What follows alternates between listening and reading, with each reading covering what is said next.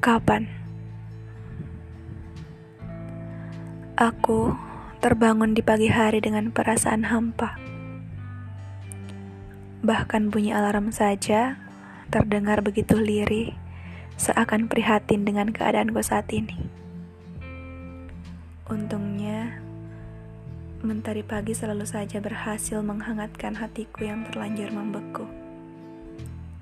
Kau tahu, Aku seharusnya tak terbiasa dengan hati yang beku. Namun nyatanya, aku terlanjur terbiasa akan hal itu.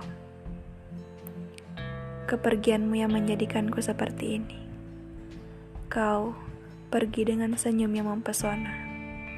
Jadi, kumohon, kembalilah tanpa membawa hati yang lain. Memori kebersamaan kita senantiasa menciptakan seulas senyum di wajahku. Dan itu membuatku sadar bahwa tiap detik bersamamu adalah hal yang akan kau rindukan nantinya. Hari ini, di saat kita terpisah oleh jarak, aku ingin menatap matamu dan memberitahumu.